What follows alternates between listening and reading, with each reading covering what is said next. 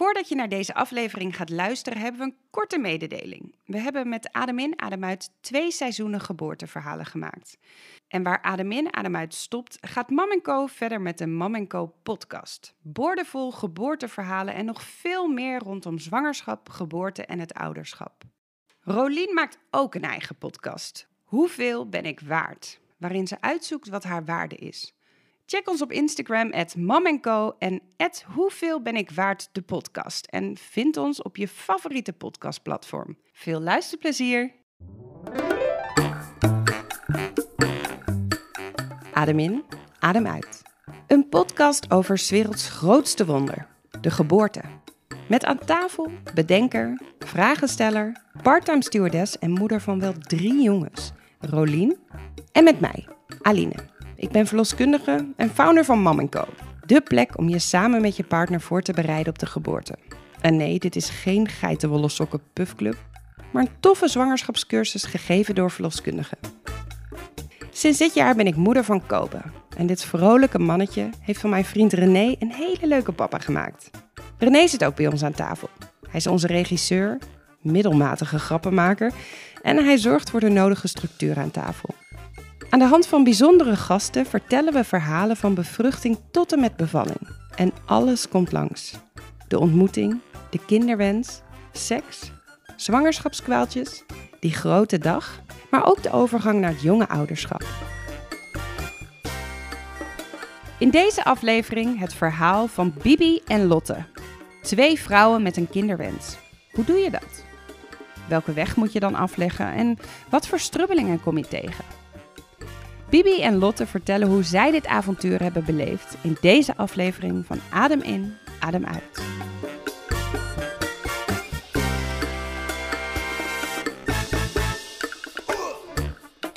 Dinsdagavond, kloten weer. Zo. Veilig aangekomen allemaal. Eén dag voor Kobus verjaardag. Ja, inderdaad. Ook nog. Heel bijzonder. Morgen. Ja, leuk. Mijlpaaltje. Mhm. Maar ik heb echt super uitgekeken naar deze avond. Want, Ik ook. eh, Anders ik ik ben, wel. eh, ja? Ja. Ja, Lotte ook. Oh, echt? Ja, Ja, ja. leuk. Ja, Ja. Wij zijn wel een beetje verliefd op jullie. Maar ja, dat was ook wel eh, op Instagram duidelijk, denk ik. Nee. Insgelijks. Nee, die Ja. hint die heb ik niet. Wat gebeurt hier Ja, nou? ja, dat is een beetje liefde hier. Ik weet hier niks van. Jij ook niet, maar hier Maar- gebeurt wat. Rolien en Lotte, vertel ons eens. Hoe zit dit? Ja, wij, wij chatten wel samen. Ja. Dat is altijd heel gezellig. Hashtag Instamam. Ja, ja precies. Ja. Mam live. Ja. Kolven. Ja, weet ik veel. Ja, gewoon. Ja, nee, ja, ik volg jullie. En eh, jij volgens mij ook. Ja, zeker. Ja. En eh, dat is erg leuk. Dus eh, welkom, want eh, Bibi en Lotte zijn hier vanavond aangeschoven. Lotte en Bibi, wie zijn jullie? Eh, ik ben Lotte en ik ben samen met Bibi. En eh, wij zijn eh, 19 februari met elkaar getrouwd. En dat is niet zomaar, want wij hebben een kindje gekregen samen. Dus eh, ja, dat moet je vieren. Nou ja, ik wilde sowieso wel met jou trouwen, ook al gingen we geen kindje krijgen. Dus Maar het is een beetje een sneltreinvaart ja, het is allemaal wel wat sneller gegaan, inderdaad. Ja. Ja. Ja. Wat doe jij voor werk? Ik ben eh, leerkracht en intern begeleider op een basisschool. In Haarlem. Ja, nee, Spaarndam.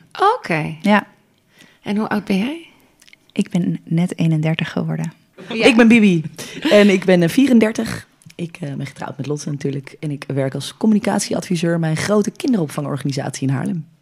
En waar, en waar kennen wij jullie nou van? Is misschien ook wel leuk om te vertellen. Want misschien, ik denk dat Ehm. best wel meer luisteraars jullie zullen kennen. Ja, dat zou kunnen. Wij hebben een Instagram-kanaal en dat heette eerst Project Baby Telleman. Maar het project is gelukt. Hey. Dus we heten nu Familie Telleman op Instagram.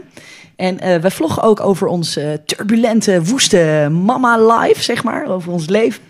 En eh, dat doen we op YouTube onder dezelfde naam, Familie Telleman.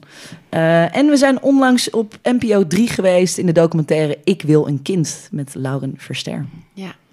En die hebben we ook gekeken. Ja, en zo kennen we jullie ook een beetje. Tenminste, Ja. zo kennen, kent René jullie een beetje. Ja, Ja. maar het is best wel een leuk verhaal om dat nog even kort te vertellen. René, vertel jij dat even, hoe leuk het was. Ik ga even naar de microfoon. We hebben, komen eigenlijk een microfoontekort vanavond. Maar dat maakt niet uit. René en ik delen alles. Eh, de- ik moet dat vertellen? Ja, vertel even. Is leuk. Ehm, ik ben eh, cameraman en verslaggever en editor voor sommige tv-programma's. En toen ben ik aan jullie gekoppeld. Ja, Maar goed, dus in die hoedanigheid ben ik een keer bij jullie thuis geweest in, Ja. dat, in, in, het, eh, in dat steegje. En eh, nu, kijk, nu klinkt het net alsof ze heel achteraf wonen. Is helemaal niet zo. Maar, eh, maar inderdaad, en de eerste keer draaien met jullie was ik ook bij. Ja. En daarna denk ik nog één of twee keer misschien. Nou, volgens mij was het de eerste en de laatste keer Oh ja. dat we je gezien hebben. Maar het, was, het voelde echt als... eh, Jawel. Het was wel gezellig, toch? Ja, dat Ja, dacht ik is wel. ook ja. een van de redenen dat we hier weer zitten, toch? Nou, uiteindelijk, ja, vind ik wel, ja. En, en Bibi en Lotte, waar begint jullie love story? Op eh, een basisschool. Niet eh, in Spaarndam, maar toen werkte ik nog in Haarlem. En eh, Bibi werkte daar eh, als BSO-medewerker, Coördinator. coördinator. Oké, Heel laten we belangrijk. En ik was daar juf. En ik ben in het begin altijd heel verlegen. Dus Bibi die probeerde steeds een beetje contact met mij te maken. En dat eh, eh, ja, hield ik een beetje af. maar uiteindelijk is de vonk toch overgeslagen. Dat is de korte versie. Klopt wel. Want jij was meteen, ja, d- jij zag Lotte, je dacht... Nou, kijk, wij hadden alle twee nog een relatie op dat moment. En ik weet nog wel dat ik de aller, allereerste dag... want ik was van baan ver- veranderd, zeg maar, van locatie gewisseld. Dus ik ging naar de locatie waar Lotte eh, werkte. En ik kwam daar aan de eerste schooldag. En toen stonden alle juffies, zeg maar, zo in de deuropening... om de kindjes eh, gedag te zeggen. En toen dacht ik, holy moly. Dat is wel een hele knappe juf. Dus ik ging me voorstellen. En toen, eh, ik- stelde me voor aan Lot en die zei gelijk... ja, ik ken jou, want je bent ook een vriendin van. En het bleek dus eh, haar ex, inmiddels ex, bleek ik weer te kennen. Want zo klein is de wereld. En eh, nou ja, goed. Ja, ik, ik dacht wel gelijk van... oeh, ik heb een groot probleem. Ja, het liefde op het eerste gezicht. Ja? ik, ik had wel een beetje liefde op het eerste gezicht... maar ook weer stiekem niet. Want ik had gewoon nog op dat moment een relatie. Dus ik wilde dat vooral helemaal niet. Dus ik heb dat heel lang ontkend. En eh, tot er eigenlijk geen weg meer terug was. Dat is, eh, ja. En dat, toen, dat zag jij toen ook wel. Van, oh, die Bibi is toch wel echt heel... Ja, ze heeft me echt eh, verleid. Want ze, ze heeft een eigen radioprogramma met kinderen. En dan zei ze, je vlotte, luister jij eh, vanmiddag even naar de radio? en dan luisterde ik dat en dan ging zij aan de kinderen vragen... wat maakt je vlotte zo'n lieve juf? En eh, eh, eh, dit liedje is speciaal voor je vlotte. En dan liet- Damn, I think I love you. nou, daar smolt, ik, daar smolt ik er natuurlijk wel van. ja, Hoe lang is dit geleden? vier jaar. Ja. En ging het vanaf toen snel? Van Damn, I think I love you? Toen... Ja, ja. Het, het begin was nog een beetje zoeken, maar eh, daarna, eh, toen we helemaal voor elkaar gingen, toen eh, was Ja. het wel echt meteen eh dik mik. Toen we gelijk, eh, wilden gelijk een kind maken. Ja? Dat gingen jullie meteen proberen? Nou ja. Nou ja, dat- er kwam niet een gesprek, het was gewoon let's do it. ja, ja, ja, heel lang geoefend. hè. Shit, Maar, gebeurt eh, niks. Het heeft inderdaad wel even geduurd voordat we echt alle twee eh, eh, er echt voor konden gaan. Ook, weet je wel, met, ja, je, weet- je woont toch samen met iemand anders en zo. Dus dat moest even allemaal gewoon eh, gefixt worden. En eigenlijk toen dat gewoon allemaal oké was, toen zijn we er gewoon volle bak voor gegaan. En gewoon lekker gaan reizen, op vakantie geweest. En eigenlijk vrij snel kwamen we er wel achter dat we alle twee toch wel echt een kinderwens hadden. Ik had sowieso wel echt al vanaf kleins af aan een kinderwens. Ik wilde altijd gewoon een soort tienermam worden. Zo ordinair 16 en dan gewoon drie kinderen, weet je van drie verschillende mannen of zo, weet je. Maar nee, ik wil echt super, super graag kinderen. Maar ja, weet je, als je met twee vrouwen bent, is het een stuk lastiger. Dus ik, had, ik wist op een gegeven moment wel van, oké, dit gaat gewoon nog even duren. En toch voel je wel aan, ook met de partner, van oké, ik, ik, ik wil dat wel of ik wil dat niet met jou. En, met mijn ex heb ik, exen heb ik toch wel echt eh, niet zo sterk dat gehad. Dat ik dacht van, nou, doe maar niet of zo. Of nou, voorlopig nog echt niet. En eigenlijk toen wij samen waren, echt samen samen waren... toen had ik wel gelijk zoiets van, oké, dit moet gewoon echt de moeder van mijn kinderen worden. Want een betere, mooiere en lievere mama gaan, gaan ze, gaat het elftal wat ik wil niet krijgen. Uh-oh. Eh, maar Lot, die, eh, ja, die had nog niet echt een hele grote kinderwens. Nee, ja, ik vond het maar ingewikkeld met twee vrouwen. En hoe moet dat dan? En eh, ja, eh, ga je dan, eh, wie, ja, wie wordt dan de vader? En ik dacht, oh, wat haal ik me allemaal op de hals? En misschien moet ik maar gewoon weer met een man zijn. Want eh, ja, eh, nou ja, ik zag allemaal beren. En Biep is altijd wel iemand die, ja, gewoon altijd de- denkt in kansen en in avontuur. Dus die heeft mij gewoon meegenomen op avontuur. En nou, nu... Ik heb haar niet gedwongen hoor. Nee, nee maar wel mij, Ja, de, je Ja. hand vastgepakt en Ja. zegt, we gaan dit doen. Ja, Maar mag ik dan vragen, hoe gaat zo'n gesprek? Want je gaat ook praten over wie gaat er dragen. Waar Ja, ga- ik kan me of- niet meer heel goed herinneren eh, hoe de gesprekken zijn gegaan van eh, ik wil een kindje en wil jij dat dan ook? Dat, dat, dat gaat allemaal een beetje terloops, weet je Ja. wel? Dat is niet een avond geweest dat we het daarover gehad hebben. Dat is gewoon de romantische momenten samen en dat, je dan, dat ik dan zei, oh ik wil zo graag kinderen met jou, weet je wel? En dan gewoon heel vaak herhalen, weet je Ja, ja, ja. Lekker Positief conditioneren. Heerlijk. Eh, nee, maar dat, dat kan me niet meer heel goed herinneren. Maar op een gegeven moment, nou, toen had Lotte ook wel zoiets van: oké, we gaan ervoor. En toen hebben we wel echt een aantal keer gewoon echt met elkaar gezeten van: oké, hoe zie ik het voor me? Hoe zie jij het voor je? Maar eigenlijk waren we vrij snel wel echt het eens over hoe we het wilden. Uiteindelijk hebben we dus voor gekozen dat Lotte eh, ons eh, kindje heeft gedragen. En wat ik in eerste instantie wel echt dacht, was van oké, degene die ons, eh, onze zaaddonor is, die mag niks met dat kind te maken hebben. Want het kind is van mij, weet je wel. Dat was mijn, mijn, ja, mijn eerste gedachte vooral. Totdat ik tegen Lot letterlijk zei, dezelfde avond nog maar wacht even, ik heb het alleen maar over hoe ik het wil. Wat is het beste voor mijn kind? Ja, wauw. En eigenlijk op het moment dat ik dat gewoon hardop tegen jou zei... hè, toen was het ook gelijk van... nee, maar het moet gewoon iemand zijn die we kennen. En op, op het moment dat, dat we een, een... Nou, we hebben een zoontje gekregen, dus ik ga het even over hem nu hebben. Op het moment dat hij geboren is, wil ik gewoon dat hij weet... zodra hij het begrijpt, dat hij weet wie zijn biologische papa is. En dat er geen geheimen zijn voor niemand, weet je wel. En dat er gewoon hele duidelijke afspraken worden gemaakt over, ja, over, eh, over dingen zoals... Hij woont bij ons, wij besluiten eh, of hij wel of niet ingeënt gaat worden... en dat soort gekkigheid, zeg maar. En eh, ja, daar waren we het vrij snel over eens, hè? ja. ja. Ja, en eh, in onze zoektocht en dat ik dus het kind zou dragen, hadden we wel bedacht, dan willen we wel eh, een persoon die qua karakter wat meer op Bibi lijkt. Want dat vonden we dan belangrijk. Uiterlijk eh, hadden we niet per Nee. se eh, iets dat we dachten hij moet blond zijn of dat soort. Maar wel gewoon qua karakter. Dat we zoiets hadden van, nou, in ieder geval muzikaal, sociaal. Dat zou ik allemaal leuke eigenschappen Allemaal lieve dingen over Bibi Ja, het zeggen. even gaat door. Ja. ja. Maar wist jij, Lotte, dan altijd al dat je wel wou dragen? Ik heb wel vanaf kleins af aan gedacht, ik wil mama worden. Ja. Eh, maar het was niet zo dat ik mezelf eh, al helemaal voor me zag met een dikke buik. Nee. Of eh, nee, dat had ik niet. En jullie hadden het net over een elftal. Ja, Ja, dan ben ik. Die vraag wordt vaak vast vaker gesteld. Maar ga jij dan? Of ga jij? Ja, we hebben net eigenlijk misschien een stap overgeslagen. Want op het moment dat wij besloten, oké, we, willen, we willen een kindje...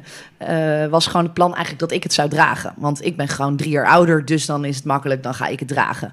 Eh, maar om een heel lang verhaal kort te maken, ik slik medicijnen voor mijn nieren.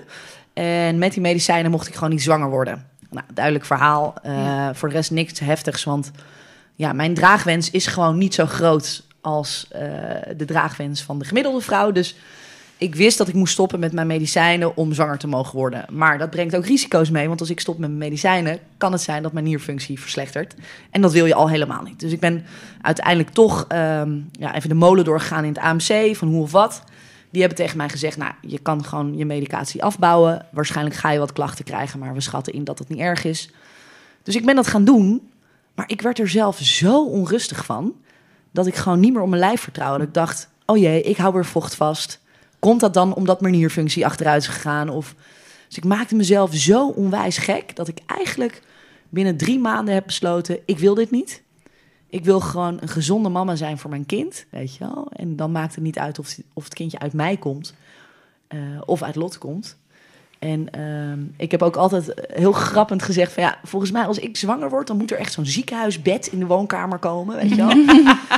Met zo'n handgreep, Oh, ja. elektrisch omhoog. Want ik ben gewoon, nee, maar ik ben echt een soort van gemaakt voor, voor ellende. Ik breek ook altijd van alles. Ik heb altijd pijn en zo. Dus ik zag ook helemaal voor me dat het helemaal misging. Dus eigenlijk toen ik had besloten van oké, ik wil dit gewoon niet. Lot, jij moet het doen. Dus dat was voor Lot natuurlijk wel even een shock. Want holy shit, Ja. zij dacht gewoon dat we een kind ging krijgen die ik ging dragen. Maar eigenlijk zei ik gewoon, nou, dat ga ik niet doen. Jij moet het doen. Ehm, en ehm, dat maakt dat je het nu bij een tweede ook niet meer wil. nee, nee, Nee. dat is eh, lang verhaal kort inderdaad. Nee. Ik, eh, nee hoor, ik, eh, voor mij hoeft het niet. Nadat Jeetje, ik de bevalling Lotte. heb gezien, Nou, denk dat ik helemaal... Ja? Ga mijn portje maar een fikkie. Eh, wat ik me afvraag, op het moment dat je dus eigenlijk, je hebt, je hebt de wens samen, je weet hoe je het wil inrichten. Maar ik kan me voorstellen dat jullie op dat moment ook denken van nou, we gaan nu een traject in, wat misschien, je moet iemand vinden en dan Ja. moet het allemaal nog gaan. Maar kun je eens omschrijven wat voor, wat voor avontuur je aan begint en waar je allemaal aan moet denken als, als lesbisch stel, zeg maar, om het maar zo te zeggen? Ja, nou wat wij hebben gedaan is, eh, we zijn naar het medisch centrum Kinderwens gegaan. En eh, daar hebben we eerst een, eh, hoe noem je dat? Webinar gevolgd eh, om informatie in te winnen. En toen hebben we ons ingeschreven. Moesten we ook nog op een soort wachtlijst volgens mij, toch? Ja, tijdens dat webinar kwamen er een aantal keuzemogelijkheden naar voren, zeg maar. Ja. Je kan een eigen donor aanbrengen, dus gewoon letterlijk een, een vriend die dat voor je gaat doen. Je kan bij hun op de wachtlijst voor een, een donor uit Nederland. Maar dat, ik geloof dat die wachtlijst twee jaar was. Ja, die werd groter ook. Ja, Waarom is die wachtlijst eh, steeds langer en eh, langer? je mag nu niet meer anoniem eh, donor zijn. Eh, en daardoor willen minder mannen eigenlijk donor zijn. Ja, minder eh, zaad om eh, te verdelen. Dus de wachtlijst is daardoor langer. Oh, oké. Ja. ja. Ja, en er is nog een mogelijkheid. Je kan ook eh, zaad uit eh, Scandinavië bestellen. Het is daar echt een soort webshop, heb je daarvan. Ja, ja, ik ken het. Ik was Ja. ook een beetje verbaasd dat het bestaat. Maar het, Ja, dat is echt bizar, want het is echt... eh, eigenlijk als je nu luistert, ga eens een keer kijken, want je verbaast je serieus. Het is echt een soort webshop. Je kan dus Ja. echt kiezen, ik wil Je een- kan het handschrift van de man bekijken. Ja, je kan dus echt gewoon kiezen van oké, leeftijd, eh, haarkleur, interesse. eh, je kan een bandje van zijn stem horen, eh, noem maar Ja, op. dat klinkt toch super interessant. Een kinderfoto kun je zien, maar je kan dan geen foto zien van hoe die er nu uitziet. Eh, maar nou, dat kan je doen, maar dat is vrij duur. Dus je betaalt daar per buisje. En afhankelijk van hoeveel vruchtbare of hoeveel zaadcelletjes daarin zitten, betaal je meer. Dus die buisjes die starten bij 300 piek. En die gaan gewoon door tot 700, 800 euro per ik vind buisje. het nog wel ik vind meevallen. het ook meevallen. Ik dacht Ja? dat het in de duizenden Ja. zou zijn. Ja, ja, maar, maar dat- je moet je voorstellen, Ja. één zo'n buisje Dat is één poging. is één poging. Ja. Ja, En als maar- jij een half jaar bezig bent Ja. en je, hè, je, wil, je, hebt, je hebt je ijsprong dat ongeveer twee dagen, dus je kan twee keer insemineren. Dat ga je natuurlijk dan ook gewoon doen, Ja. voorbak.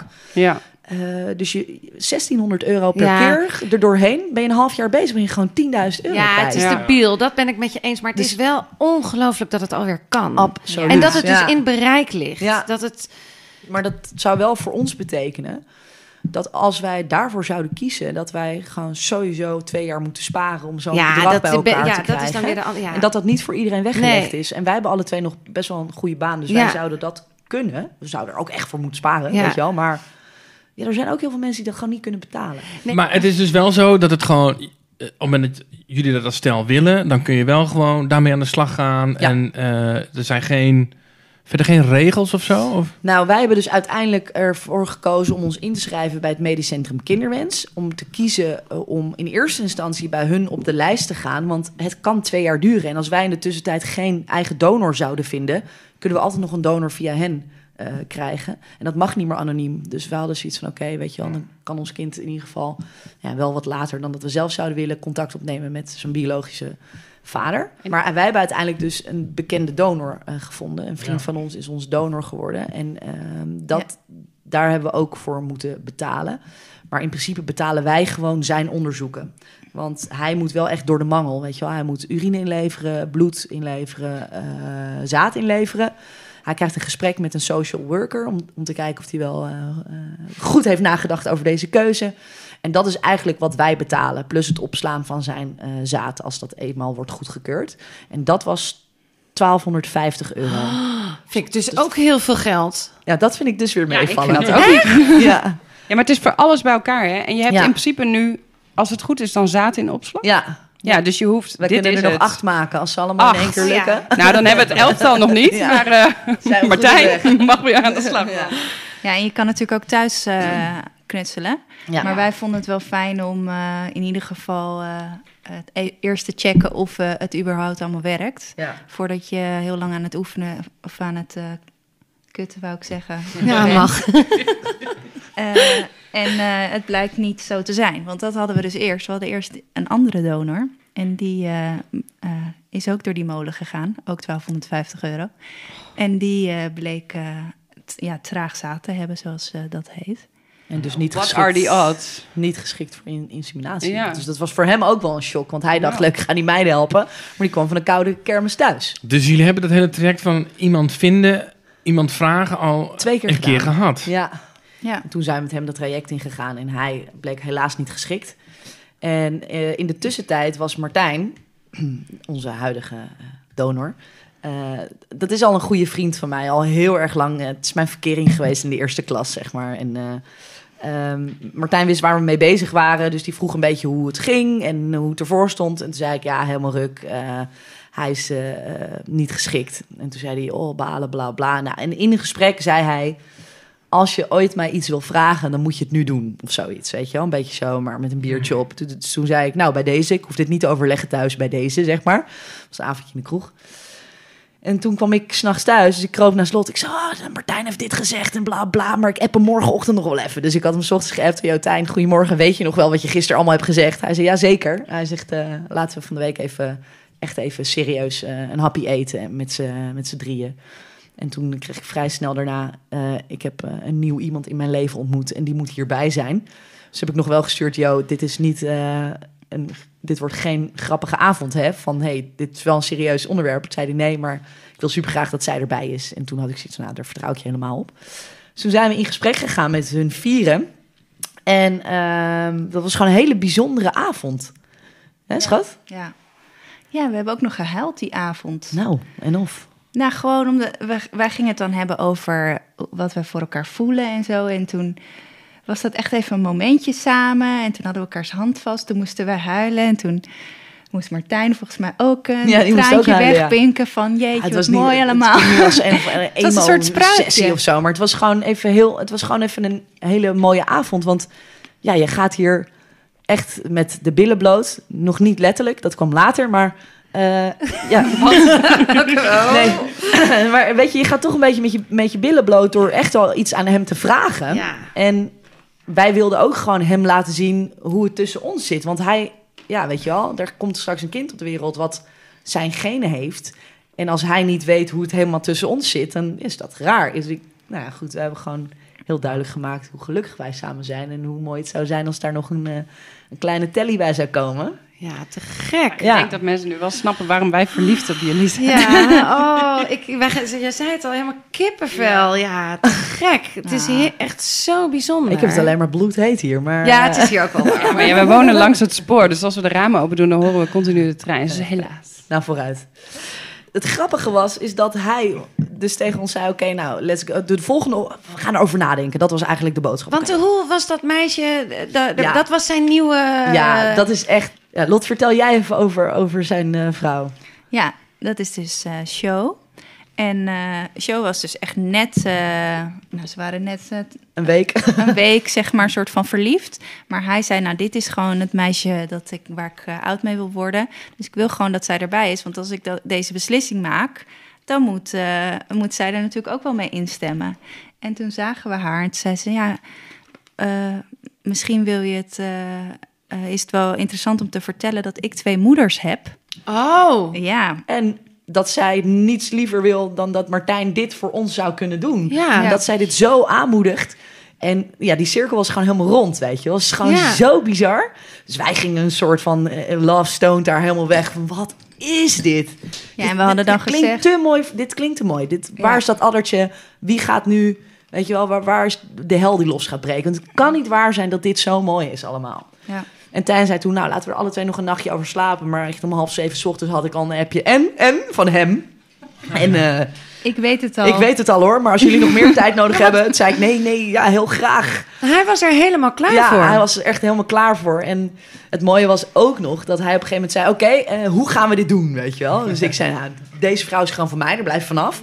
En eh, nee, goed, nee, nee, geintje. Dat was ook absoluut niet het idee. Maar ehm, ik zei, nou ja, je moet dus naar het medisch centrum kinderwens. Maar ja, dat is allemaal, allemaal een beetje langdradig daar. Een eh, intakegesprek en dan vier maanden wachten tot je een keer zaad mag inleveren. En dan weer een maand wachten tot je een keer eh, moet, mag plassen. En nou, serieus, we waren met onze eerste donor ongeveer zeven maanden verder... voordat hij duidelijk wist dat hij niet eh, geschikt was. Dus Tijn zei, jezus, nou, eh, dat gaan we niet doen hoor. Dus die had gebeld de volgende dag. Van hoi, nou, ik ben Martijn en ik wil dit doen voor die meiden. En hoe zit dit? En wanneer kan ik die intake doen? Ja, nou meneer, dan moet u drie maanden wachten... en kunt u op een kennismakingsgesprek komen. Zij zei, drie maanden wachten, wat is het voor onzin? Hij zegt, heb je geen wachtlijst of zo? Als er iemand uitvalt, dan kan ik toch komen? Nee, nee, dat hebben we niet. Hij zei, nou, dan heb je die nu wel, want eh, zet mij maar op nummer één. Als er iemand uitvalt, dan bel je maar. Ja, meneer, maar dat hebben we niet en dit en dat. Ja, want hij zit op de weg. Dus hij zei, ja, ik... eh, Ja, hij is accountmanager, dus Ja. hij is veel onderweg inderdaad. Ja, ja, ja. hij is geen Hij is ja, ik- Hij zit op de Nee, weg. ja, hij zit op de weg. Ja, het is, eh, vanochtend nog op de trekker. Weet je wel. Nee hoor, niks aan de hand. Maar ehm, eh, hij had dus zelf bedacht van nou, dan heb je vanaf nu een wachtlijst. Echt gestoord gewoon. En drie dagen later wordt hij gebeld. Nou meneer, morgen valt er iemand uit. Maar die valt de hele ochtend uit, want die had een heel traject gepland. Dus als u morgen komt, dan gaat u morgen gelijk bloed prikken, urine inleveren, zaad inleveren, gesprek doen met eh, die en die en die. En u gaat de arts zien. Dus als u daar doorheen komt, dan eh, heeft u eigenlijk alles gedaan wat we normaal een half jaar doen. Dus Martijn ging daar naartoe en die kwam daar vandaan. En die had dus ook nog tegen die gast gezegd waar hij zijn zaad moest inleveren. Van, hé, hey, eh, ja, ik ben echt super zenuwachtig of ik wel vruchtbaar ben. Wanneer weet ik dat? Ja, over twee weken had die gast gezegd. Martijn zegt, nee, dan kan ik niet slapen. Dat is natuurlijk gelul. Dat weten jullie morgen al. Want dat zaad moet vers getest worden. Dus dit en dit. Nou, hij had nog voor elkaar gekregen ook. Hij werd Ja, gewoon de volgende gek. dag gebeld.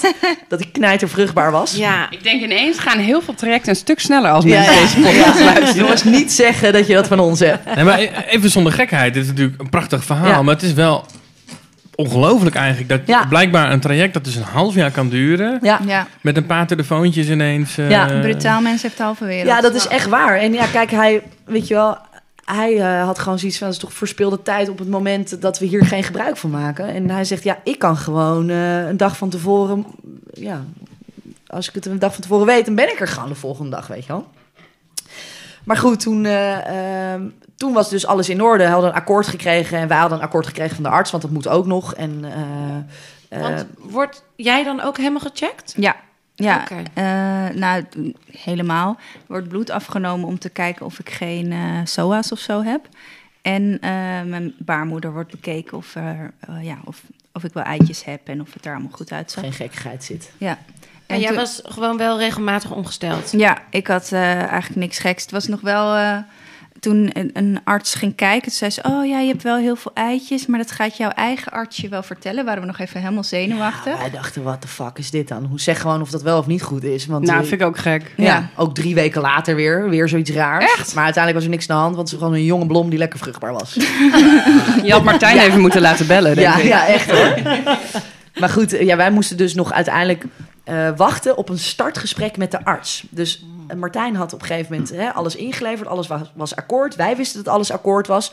Maar dan moet je een startgesprek hebben met een arts. En dan moet je wachten tot je eerste ijsprong. Maar als we dat zouden doen, zat er heel veel, Ja, twee, zaten er eh, twee maanden tussen. Dus wij zaten al te balen van ja, dat startgesprek kan pas over vijf weken. Dan heb je al één ijsprong weer gemist. Dus wij zaten echt te balen. En op een gegeven moment stuurde Lot mij 's ochtends een appje met zijn ovulatietest met een smiley. Van eh, ben vet vruchtbaar. Dus ik zei, dat meen je niet. Ik zeg, bel Martijn even of hij wat te doen heeft, want dan doen we het gewoon thuis. Dus, eh, nou, Tijn appen. Hey Tijn, eh, heb je wat te doen? Want Lot is vet vruchtbaar, weet je wel, bla bla. Hij zegt, ja, ik heb drie kwartiers, moet, wel, moet je wel opschieten. Dus ik was op mijn werk. Ik zei tegen mijn collega, ik ben heel even een uurtje weg om te proberen mijn, mijn vrouw zwanger te maken. En dan ben ik weer terug. Dus ik als een malle, ik zei tegen Lot, ga op bed liggen, doe je ding. Ik naar Martijn. Hey, ik leek wel een drugsdealer, zo om de hoek staan met de capuchon. Ja, het was super Nee. warm die dag. Ja, serieus. Had je een potje ergens ook zo... Tussen de borsten. Een soort tub? Nee! Ik had, ja, ik had hem dus al, zeg maar, daarvoor al een paar van die eh, pispotjes cadeau gedaan. Van, hé, hey, als, het ooit uit, als het ooit uitkomt, dan moet je het hierin doen. Maar het was echt super heet. Het was een knijterhete zomer. Dus ik was naar hem toe gegaan. Ik had een hemdje aan. Ik dacht, ja, moet ik met dat zaad terug? Dat moet warm blijven. Dat moet tussen mijn borsten. Maar ik kan niet met openbaar met zaad tussen mijn borsten over straat fietsen. Ik had nog serieus een hoodie aangedaan in fucking 33 graden. Ik stond op de hoek van de straat te wachten met die hoodie op als een soort drugsdealer. En mensen keken ook echt zo van, holy shit, wat heb jij aan? Het is veel te heet. Wat doe jij hier? Wat sta je hier raar op die hoek een beetje te scharrelen, weet je wel? Stijn appte klaar. Die kwam met echt een bezweet hoofd naar buiten. Van, nou, het is gelukt hoor, weet je wel? Dus ik zei, nou, wat... eeuw, Dat is echt eh, eh. ja, een beetje kokhalzend naar huis. een beetje kokhalzend naar huis. En ik zei tegen Lot, oké, nou, dan gaan we, let's go. Ja, dat was natuurlijk gewoon lachen, gieren, brullen. Ja. Echt kok, ik wilde het ook per se zelf bij haar inbrengen. Want dan voelde het nog Want- een soort van alsof ik ja. haar zwanger had gemaakt. Ja, ja, ja. Want ga je dan echt met zo'n... Kan, kan je, Ja. wil je Ja, dat met zo'n injectiespuit. Ja, Ja? Zuig je het zeg maar op. En eh, ja, Biep wilde dat graag eh, dus Ja. inbrengen. Maar nou, Biep zat al helemaal te kokhalzen dat ze dat eh, op moest slurpen. Op een gegeven moment moest ik dus lachen terwijl dat spuitje, dat is wel heel intiem, maar maakt niet uit, in mij zat. En toen, haha, toen Ja. plopte dat spuitje. dat vloog over bed. Gelukkig had ze Ja, nog ik niet... heb eh, echt intens zitten kokhalzen en lachen met tranen over mijn wangen. En dan zeiden we, oké, serieus, Oké, serieus. en serieus. Oh nee, zonde, zonde. Weet je wel, want ja, de helft liep er weer uit en zo. Het was echt één groot fiasco. Maar goed, ehm, toen dachten we, oké, we hebben het nu thuis gedaan. Maar het mooie is als we het morgen nog een keer kunnen doen in de kliniek. Dus Maar wacht even, we vergeten Ja. één verha- Ja. vraag. Ik denk Ja, dat Rolien dat Benen omhoog. De Ja, vraag die ja, iedereen wil weten. Ja. Ja, bekken Hebben we dat gedaan? Ja. Benen ja, omhoog. Ja, ja, met een kussen Ja, we onder hebben mijn gewoon een billen. kussen onder je Ja. gedaan. Ja. Oh, wat goed. Maar het schijnt dat het helemaal niet hoeft. Toen zei ik tegen Lot, oh, we moeten eigenlijk voor de zekerheid morgen nog een keer. Maar ik kon Martijn echt niet aandoen, die 35 graden nog een keer eh, moeilijk doen. En in dat kleine potje waar zijn piemel half En hij vast was zat net en verliefd. eh, Hij was net verliefd, dus hij wilde ook gewoon zijn zaad in, in die andere vrouw. dat was gewoon helemaal prima. Dus nou goed, toen ehm, eh, heb ik dus de arts gemaild van Medisch Centrum Kinderwens met hallo dokter, puntje, puntje, puntje. Bibi en Lotte hier. Eh, ze zeggen wel eens brutale mensen hebben de halve wereld. Letterlijk opgeschreven. Ehm, in principe is Martijn helemaal goedgekeurd. En Lotte heeft haar ijsprong. En we moeten alleen nog een startgesprek. Maar dat zou dan pas dan en dan zijn. Ehm, maar ze heeft nu haar ijsprong. Ik stel voor dat wij morgenmiddag even langskomen. Gelijk het startgesprek doen en daarna insemineren. Kan niet langer duren dan een kwartiertje toch? Met een knipoog. En ik werd gebeld binnen een half uur. Te gek. Met dokter, puntje, puntje, puntje. Ik zie net je mail voorbij komen. Vertel. Dus ik nog een keer het verhaal vertellen van... ja, luister, als we het nu doen, dan eh, weet je wel, dit, dit, dit. Nou, zegt ze, ik stop jullie er morgen tussen. Morgen om eh, 12 uur zijn jullie welkom. En het intakegesprek doen we En via de telefoon. Intakegesprek doen we eh, via de telefoon. Dus ze ging vragen stellen en we hebben gewoon ja, nee, ja, nee gezegd. En toen was het akkoord. Maar volgens mij is dit niet helemaal de goede weg om het te doen. Dus ik hoop niet dat ze nu straf krijgt. nou ja, de volgende dag waren we dus in het medisch centrum kinderwens. En daar is Lot geïnsemineerd. Dat eh, eh, heb je kunnen zien in de documentaire van Lauren. En ehm, ja, eh, negen dagen later wisten we dat Lot zwanger was. Dus, eh, Ja, gewoon één keer One raak. shot. Ja, bizar Ja. hè? Bizar. Ja, ik had dus echt mega pijn aan mijn borsten al heel snel. En toen dacht ik, ik zei tegen, ik werd er een beetje lacherig van. Want we hadden wel zoiets van, nou, het gaat wel een tijdje duren. En de eerste keer wordt het sowieso niet. ja, je stelt je gewoon echt in op Ja. dat traject waar mensen het over hebben. Weet je wel, een half jaar tot een jaar. Dus, eh, dus ik, ja, ik werd gewoon een beetje giegelig van, nou, ik ben zwanger hoor, ik ben zwanger. Dit is echt niet normaal. Dus we hadden op een gegeven moment een test gekocht. Je hebt En je allerlei dus- verschillende Maar je hebt soorten. honderdduizend testen met smileys. En, maar je hebt ook met streepjes en kruisjes en Ja. puntjes. En weet En ik super veel wat vroeg voor eh, ja. vruchtbaar. eh, bla, ja. bullshit allemaal. Dus wij die test doen. En er komt gewoon een dik vet kruis op. Hé. Dus Lot zegt, ja. Nee, nee, juist een streep. Het moest een kruis Oh, ja. Toen kwamen twee streepjes op. En Lot zegt, ja, zie je nou, ik ben zwanger, ik ben zwanger. Dus ik huilen, huilen. Ik was echt het gelukkigste mens ever, weet je. Ik kreeg een kind en janken en snot. Maar echt gewoon, echt gewoon de ugly cry. Echt alles. Ik was zo gelukkig. Ik zo, en weet je het zeker? Moet er geen kruisje komen? Nee, zegt Lot. En ik hoorde zo de tweede keer, nee, nee, nou, nee, ja... Nou, misschien toch wel awkward. Dus ik zo, eh, ik was gelijk zeg maar klaar met huilen. Want ja, weet je, die tien mooiste seconden uit mijn leven waren ook gelijk helemaal fucked up. Ja. waren het echt de tien slechtste seconden uit mijn leven. Het, was gewoon, het ging gewoon van zwart naar wit. Ja, het was echt heel heftig. En Lot pakt echt zo die gebruiksaanwijzing. Nog een keer zo lezen. Oh nee, nee, het moest een kruisje zijn. Niet zwanger dus. Dus de volgende dag zegt ze weer... Nee, toch weet ik het zeker. Ik ben echt zwanger. Ik zei, ja, dat zei je gisteren ook. Ik zeg maar toen, eh, weet je wel. Nee, nee, ik weet het echt zeker. Dus toen hebben we nog een keer die testen gehaald van de kruid. Van die kleine, dunne dingetjes... waar je met een pipetje zo dat plaster in moet doen. En toen kwam er dus een tweede streepje. En dat Maar echt acht keer- mega licht. Ja, we hadden Ja. het echt acht keer gelezen. Dus Maar kwam- zwanger is zwanger. Nou ja, maar ik geloofde dus toen niet meer. Ik zei, ja, de groeten. Ja, maar ik zie echt een streepje. Ik zei, ja, die zie ik ook. Maar dan moet je wel met drie vergrootglazen erop. Nee, ik geloof er niks meer De van. hele magie was weg. De hele magie was weg. Dus weer voor 20 euro zo'n test met een smiley gekocht. Ik zei, nee, weet je wat ik wil zien? Ik wil gewoon dat er staat zwanger. Ik zeg, want dan geloof ik het. Dus wij met z'n tweeën s'avonds laat, weet je wel, gewoon drie testen al gedaan overdag. Nog een keer die dure test gekocht. En s'avonds die zwangerschapstest doen. En er komt gewoon zwanger. Ja, en jij ging wegrennen. Ik ging, ik ging helemaal lijp. Ik ging helemaal... Ik dacht, Ging ze nou, door, door het huis rennen. En ik ik, ging gewoon rondjes door het huis rennen. en ik zei, blijf bij mij, blijf bij mij. rondjes Maar was het gewoon zo, zo van bizar dat het in één keer raak Ja, was? dat had ik niet kunnen dr- Nee. durven dromen. Dat was zo bizar. Ja. Ja, en helemaal omdat je natuurlijk zoveel, eigenlijk helemaal op social media alleen maar horrorverhalen hoort. Mensen delen gewoon eigenlijk hun, leef, hun leed, Ja. weet je wel? Hun ellende en hun, hun drama. Het is gewoon een uitlaatklep. En dat snap ik. Dus wij hadden ook alleen maar zoiets van, ah, maar dit gaat gewoon fucking lang duren, Ja. weet je wel? Dit is echt niet, eh, dit is niet zomaar voor mensen weggelegd en zo, weet je wel? Ja, toen was ze gewoon zwanger. Dus Ja. wij gelijk naar mijn ouders toen. En mijn moeder zag het gelijk, hè? Ik zag het al, je bent zwanger. Ik zie je, je hebt helemaal Madonna glow, zei ze tegen Lot. Mijn Schat. Ah, dit verhaal, Ja. jongen. Ja. Ja. En hoe voelde jij? Jij voelde je dus mega zwanger, want je, Ja. je borsten... Ja, ja dat, dat was het begin. En daarna ben ik echt eh, mega misselijk geweest. Echt, eh, ja, crackertjes naast mijn bed, zodat ik dan eh, alvast iets in mijn me- maag had voordat ik opstond. Nee, die eerste periode vond ik wel echt eh, pittig. Ja. Ja, En, en eh, dus moe, misselijk. ja. Mijn, Lui. Bij. ja, Ja. alles is overgegaan, behalve die luiheid. Nou, Ja, maar is dat, in de dan, auto wel over. is dat dan lui of is het gewoon... Ik, ik denk dat je echt namelijk niet weet hoe moe je bent als je zwanger bent. Het is echt afgrijzelijk. Nee, het is alsof je je arm niet kan optillen, toch? Nou, echt, dat als er iets valt... Ja, ik ben blij dat jullie elkaar gevonden hebben. Nou, Wij lopen wel rondjes als je weer iets op de zwanger bent. grond en dan denk je, oh, ik moet dat opruimen. Ja, dat had ik ook. Ja. En toen kwam er het moment van de eerste echo. Ja, die hadden wij al echt heel vroeg in het medisch centrum kinderwens. Heb je dat dan bij zes weken? Om te kijken of het hartje klopt. Dus dat gingen we doen. En nou ja, dat was niet heel emotioneel. want Nee, het was een soort niet. boon. En dan zie je alleen zo'n knippertje. Je hoort nog geen hartje. Of... Dus daar hadden wij allebei niet per se een heel emotioneel moment eh, bij.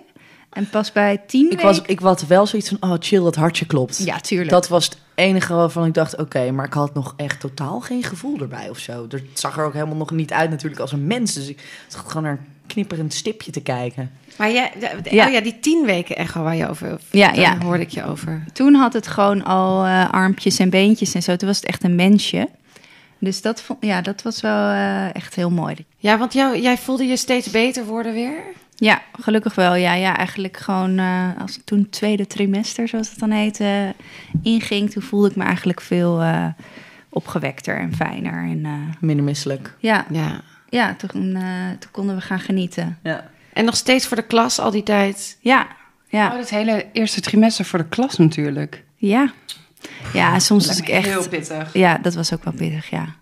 Ja, soms was ik echt ochtends heel misselijk. En dan, eh, ja, ik kan niet opeens eh, de klas uitrennen, zeg maar. Maar eh, ja. Ja. Hoe heb jij het je klas verteld? Ja, dat was wel, eh, wel leuk. Ik had, het, ehm, ik had in ieder geval mijn spraakmemo aangedaan, zodat Biep het ook kon horen. En toen heb ik gezegd van, eh, nou jongens, ik, heb, eh, ik moet jullie wat vertellen. Misschien kan je het al een beetje aan me zien, want ik had een, een klein beetje een eh, buikje. En toen gingen ze zeggen, ben je naar de kapper geweest? Super schat. Je hebt nieuwe oorbellen in. Zo lief. Ja, echt. Niet te doen. En toen zei ik, ik, ik heb een baby in mijn buik. En toen zeiden ze, dan gingen ze applaudisseren, weet ik nog. En toen zeiden ze, maar hoe dan? Want ze wisten wel dat ik met eh Bibi was, dus wilden ze meteen dan eh, weten. Dus toen zei ik van, eh, nou, er was Martijn en die heeft ons zaadjes gegeven. En de dokter heeft dat in mijn buik gedaan, dus toen heb ik het zo verteld. En ja, toen hebben ouders echt de, de volgende dag ook naar me toegekomen om te zeggen van... ja, wat mooi dat je dat zo gedeeld hebt. En eh, wat, wat een verrijking voor mijn kinds leven dat hij dit ook meemaakt. En eh, ja, ze vonden het gewoon heel eh, fijn Ja. dat ik dat zo open Leuk, zeg. vertelde. Ja. Ja, Ja. het is gewoon de normaalste zaak van de wereld ook, weet je wel. En als je dat aan kinderen zo brengt, dan is dat gewoon ook wat het is. Ja. En dan Ja. is het weer, dat oké, dat is het ook. ja, hoor, dit is verhaal, oké, top, niet, ja. over. Ja, want het was ook eh, dat ik op tv kwam met ons verhaal. En dan zeiden ze ook, maar waarom kom je dan op tv? En zei ik, nou, omdat het een bijzonder... eh, maar je- dat vonden zij helemaal niet. Ze vonden het gewoon, dat is toch normaal? Hoezo moet dat op tv komen? Dus Ja. voor hun is dat helemaal niet gek of bijzonder of zo. Mooi hè, we moeten Ja. soms weer een beetje terug naar Terug die kinderen. kind. Ja. Ja, vind ik ook. Lotte, hoe was jouw 20 weken echo? Het was niet het moment dat wij wisten of, eh, wat het geslacht was. Dat hadden wij al bij 16 weken Oh, dan gaan we gedaan. eerst daar nog even Lotte, wat was jouw Ja? Ik had wel echt een voorkeur. Ja, Ja? Ja, echt. eh, ik wilde heel graag een jongen. Ik wilde gewoon heel graag een jongen, omdat ik ehm, mezelf gewoon meer een jongensmoeder vind. Vond van, van tevoren of zo. Ik zie mezelf gewoon meer hutten bouwen, bomen klimmen, voetballen, judo. Stereotype, dat mag niet meer. Hè? Misschien Nee, wilde maar- wel met poppen spelen. Ja, misschien wil ik Ros. dat wel. Dat vind ik ook allemaal prima. Maakt me allemaal geen reet uit. Maar ik zag mezelf gewoon even meer als een, een, een jongensmama of zo. Ik weet niet. Ik, en, en Lottie had niet echt een voorkeur, toch? Nee, ik had niet echt een voorkeur. Maar er waren heel veel mensen om ons heen die zeiden... nou, ja, je krijgt echt een jongetje. Daardoor dacht ik dus, nou, hoe kun je dat nou weten? Het wordt een meisje, zeg maar. Ik ging heel erg juist eh, dus denken dat het een meisje werd. Ja. En toen eh, hadden we onze ouders eh, uitgenodigd eh, bij de geslachtsbepalende echo. En eh, nou ja, het was het heel duidelijk meteen. Eh, hij zei van, weet je, ik laat je zelf kijken... En als je het na zoveel seconden nog niet ziet, dan... eh, Help ik je een beetje. ja. Nou, en Biep zag Ik zag gelijk. het gelijk. Direct Ja, een hele echt? Zag jij meteen daar een piemel Super grote piemel. Echt? Ja, ik zweer het. ja, echt. Ja, maar dat was, ja, ben je ook zo, toch? Ja, ik weet niet. Ja? Ja. ja, ik zag het echt gelijk. Wat voelde je toen? Ik was echt super blij. Ja, ik was echt heel blij. Mijn stem, ik heb een redelijk lage stem voor een vrouw, maar die ging toch echt wel even een paar octaafjes omhoog. ja, echt serieus. Ja, ik was echt super blij. Ja. Ja, we hebben gelijk een spijkerbloesje voor hem gekocht, hè? ja. Ja. En toen was het gewoon vier weken wachten op de 20 weken echo. Ja, en ik was daar een beetje... Wij hadden daar niet zo'n eh, speciaal Nee, gevoel wij- bij. Wij dachten echt van ja, oké, laat maar komen. Ik had eigenlijk zo'n positief gevoel over alles. Over die zwangerschap, over haar gezondheid. Het ging allemaal zo goed en zo voorspoedig. Dat ik me eigenlijk totaal niet druk heb gemaakt met 20 weken echo. Tot vier uur voor mijn wekker ging. Toen werd ik wakker, s'nachts. Er kan echt van alles mis zijn, dacht ik toen. Ja, ook omdat we dat op Instagram hadden gevraagd. Ja, dat hadden we ook weer helemaal niet moeten doen. Wat hadden jullie gevraagd dan? Gewoon, eh, Wat kan er allemaal fout gaan bij een Nee. 20 weken echo? gewoon meer Eh, van, van... eh, nee, van, oh spannend, we hebben morgen 20 weken echo, wat kunnen we verwachten? En toen zeiden mensen, nou, bij mij was dit kan op zijn gebeurd. knie zitten, bla bla. Bij mij was er iets met het hartje, bij mij was dat. Of, Ja, maar ik, ik werd helemaal niet lekker. Ik werd gewoon wakker om een uur of vier s'nachts. En ik dacht ineens, "Huh, er kan nu echt nog van alles fout zijn. Ja. Weet je wel? Het is bizar eigenlijk, hè? Want je zat er zo vol vertrouwen in. Ja. En ineens door allemaal Ja. verhalen, hè, als ik eventjes die, Ja. die plussom mag maken, word je heel Onzeker. Ja, onzeker. Ja, klopt. Dus eigenlijk, vrouwen, empower elkaar. Ja. Begin ik weer misschien hoor. Maar vertel elkaar juist Positieve verhalen. positieve verhalen. Ja. ja, of, ja. Nou ja, en toen, eh, we hadden gelukkig 's ochtends vroeg die afspraak. Dus weet je wel, anders moet je ook nog de hele dag. Dus nou ja, en het ging eigenlijk, ze ging best wel lekker. Die vrouw ging gewoon eh, in plakjes eh, door die echo heen. En toen kwam ze bij het hartje en toen zei ze, even stil. Even concentreren. Ja. Nou, En toen op een gegeven moment zei ze, ja, het is goed. Ja. En dus was echt zo, Het was eigenlijk ook relaxed dat ze dat deed. Maar ja, ze moest zich gewoon even concentreren. Maar ja, ik snap het ook wel, want je ziet ook zoveel. Maar het was, Was, jij gewoon de hele tijd aan, aan het kleppen? Dat ze gewoon even... Nee, nee, nee, nee, nee. Je zou denken van wel, maar nee, ik was heel stil. Ik was mijn adem aan het inhouden. Het had niet langer moeten duren of ik had op de grond gelegen, denk ik. Maar eh, nee, ik vond het echt eh, ja, super spannend. En ook echt, ik zei wel nog, kun je nog één keer even goed checken of het wel een jongen is? Ik dacht, ja, er zitten wel allemaal dingen te kopen. ja. Straks Nee, meisje. hij was overduidelijk. Hebben jullie Martijn hier helemaal in betrokken? In, dat, in de echo's, in het zwanger zijn, ik ben misselijk. Nou, nu komt er nog een goed verhaal. Oké. Ehm, nou, toen wij, wij hebben dus op een gegeven moment wisten we dat, we, eh, dat ik zwanger was.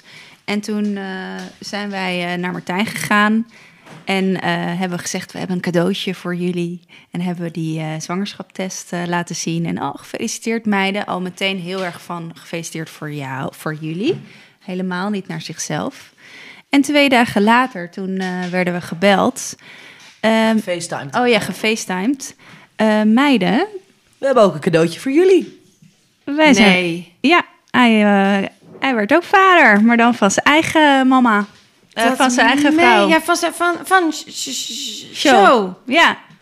Ja, dat is toch niet normaal, dit Ja, gesprek, sorry. jongens. Maar dat is toch... Dus... Die, hè? ja. Ja. En het, En ik denk dat het allermooiste is dat Lotte en Show vrijwel tegelijk waren uitgerekend. ja, op een dagverschil. Eén dag verschil, ja. Maar Ja. ging jij dan ook met haar bellen? Ben je ook zo misselijk? Ja, dus om, eh, om je vraag te beantwoorden. Ja, eh, hij was niet per se bezig met ons, maar meer met zijn eigen Ja. vrouw natuurlijk. En eh, ja, we hadden een appgroep met z'n vieren. En daarin deelden we eigenlijk lief en leed. Of delen we nog steeds lief en leed. En daarin vertelden we dan inderdaad van... Oh, eh, We hebben hem overigens wel aan het begin gevraagd van... in hoeverre wil je op de hoogte gehouden worden? En zijn antwoord was eigenlijk... ik wil alles horen wat jullie willen delen. Dus Ja, super. dat is, hè, dat is eh, hoe we hem hebben betrokken. En eigenlijk, wij zijn gewoon samen dat traject ingegaan.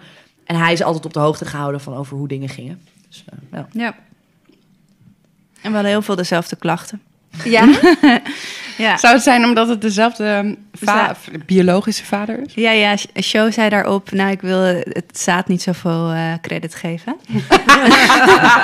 ja. Maar het was wel opvallend. We, we hadden dezelfde cravings en zo. Dus alles in de 20 weken echo was goed. Ja, gelukkig wel. Ja, Toch dat- wel even een heftig momentje. het was toch eh, stiekem een opluchting dat het allemaal goed was. Nou ja, we waren wel er vroeg bij met kinderkamer en zo maken, maar het voelde allemaal meer dat je, oké, nu mag ik eh, spullen kopen en eh, we mogen er helemaal voor gaan. Jullie hoefden niet te verhuizen of zo? Nee, nee. Nee, we zijn wel nog even getrouwd tussendoor. Oh ja. Lot was toen nog niet zwanger. En ehm, we waren eigenlijk nog helemaal niet uit over hoe we wilden trouwen en waar we wilden trouwen en wat de datum was. En toen dachten we, nou weet je, pff, eh, be- besluiten wel een keer. Maar ineens was Lot dus wel zwanger. Dus toen hadden we zoiets van, oh shit.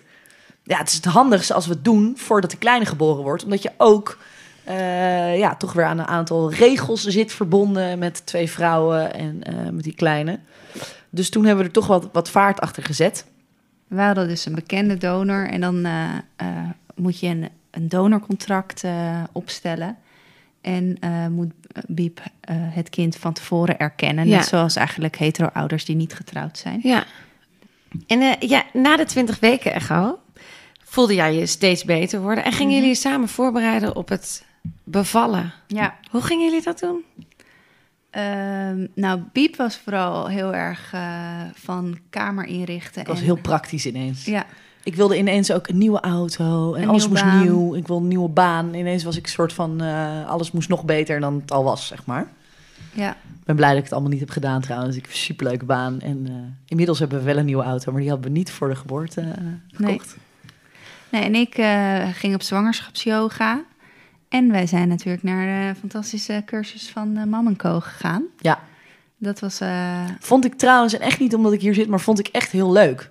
Ook echt als partner vond ik het superleuk. Want ik, nou ja, ik was ook mee naar dat zwangerschapsyoga een dag. Nou, je hoort het al aan mijn stem. dat vond ik dan wel weer echt dat ik dacht, oh ja. ja, we, daar hebben we ook gegierd hè, samen. Ja, Ja, moesten oh, wat we- leuk. Moesten we allerlei ademhalingstechnieken doen. ja, En de tranen biggelden over onze wangen. ja, dat is gewoon, eh, ja. Ja. Ik vond het ook heel leuk om jullie in de cursus te hebben, moet ik zeggen. Ja? Ja. Ja, ik vond Ja, het het is echt gewoon leuk. heel down to earth. En Ja. ja, ja het was gewoon... Ik heb er ook echt tijdens mijn bevalling wat Ik ook. gehad. Ja, Ja. ik vond het echt leuk. Het lijkt wel een soort reclamefeestje hier. Ja, dat mag ook Nee, en dat-. Het is ja, toch ook een helemaal heel mooi bedrijf. Ja. Ja. Ik vond het ook super fijn dat het gewoon echt eventjes, dat je gewoon even helemaal teruggaat naar die basis, weet je wel. Van wat gebeurt er nou eigenlijk in je? Weet je dat ik gewoon echt zo lang niet heb geweten wat ontsluiting is. Oh ja? Dat nee, ik, maar dat weet je ook niet als je niet er voor het eerst mee te maken gaat hebben. nee, Toch? Dat- ik dacht gewoon, als er stond, ja, 10 centimeter, dacht ik, oh ja, hij is nog 10 centimeter ver weg. Oh, Ja, Ja, logisch. ja, ja. Ja. Zeker. Ja. Ja. in mijn hoofd had. Ja, in Ja, mijn ik snap had. wel. Ja. Ja. Ja. Maar inmiddels weet ik wat het is. Ja, Want hoe bereid je je voor als partner dan? Wat waar jij voorbereid Nou, het enige wat ik echt kon doen was praktisch alles op orde hebben. Dus hè, het kamertje moest af zijn, kinderwagen moest in elkaar zijn, de box moest in elkaar zijn, kleed moest eh, goed liggen en schoon zijn. En, en vooral haar heel erg eh, ja, ondersteunen waar nodig was. Dus nou, op een gegeven moment, de laatste dagen, was ze wel gewoon, zag je echt wel gewoon aan haar van oké, ze moet echt elk moment gaan bevallen. Want ja, echt een super dik koppie en echt eh, helemaal. eh, pff, ja, waggelen en zo. Terwijl dat had je eigenlijk helemaal niet. Maar die laatste week was het echt alsof er nog een soort van extra pop kwam. Weet je wel? Van boep, echt nog even een stuk Ja, jij stond op scherp. dikker. Ja, ik stond wel echt eh, aan bij alles. Ja. En eh, toen kregen we eerst nog eventjes een generale repetitie met indalingsweeën. Nou, dat was een feest. Ja. Knijterweeën had je, niet normaal, maar echt schreeuwen van de pijn. En ik dacht alleen maar, het gaat beginnen, het gaat beginnen. Het gaat beginnen. Oké, wat moet ik doen? Oké, timen, timen, timen, weet je wel. En eh, Lot nog even onder de douche gezet. En eh, toen heb ik de verloskundige gebeld. En toen uiteindelijk... eh, Toen die kwam, toen waren, was het weg. Ja, dus hebben we gewoon lekker te kletsen. En toen had ze gevoeld, toen was hij ingedaald. Ja. ja, en toen was het eigenlijk gewoon echt wachten. Die laatste twee weken ga je toch stiekem wachten. En eh, ik weet nog wel heel goed dat wij op, eh, op zondag bij een eh, geboortefeest waren. Hoe noem je zo'n ding? Kraamfeest? Kraamfeest, ja. Kraamfeest. Zoals twee dagen later uitgerekend. Dus het kon ook echt elk moment gebeuren. Maar ik kon me nog niet helemaal beseffen hoe dat moment zou zijn.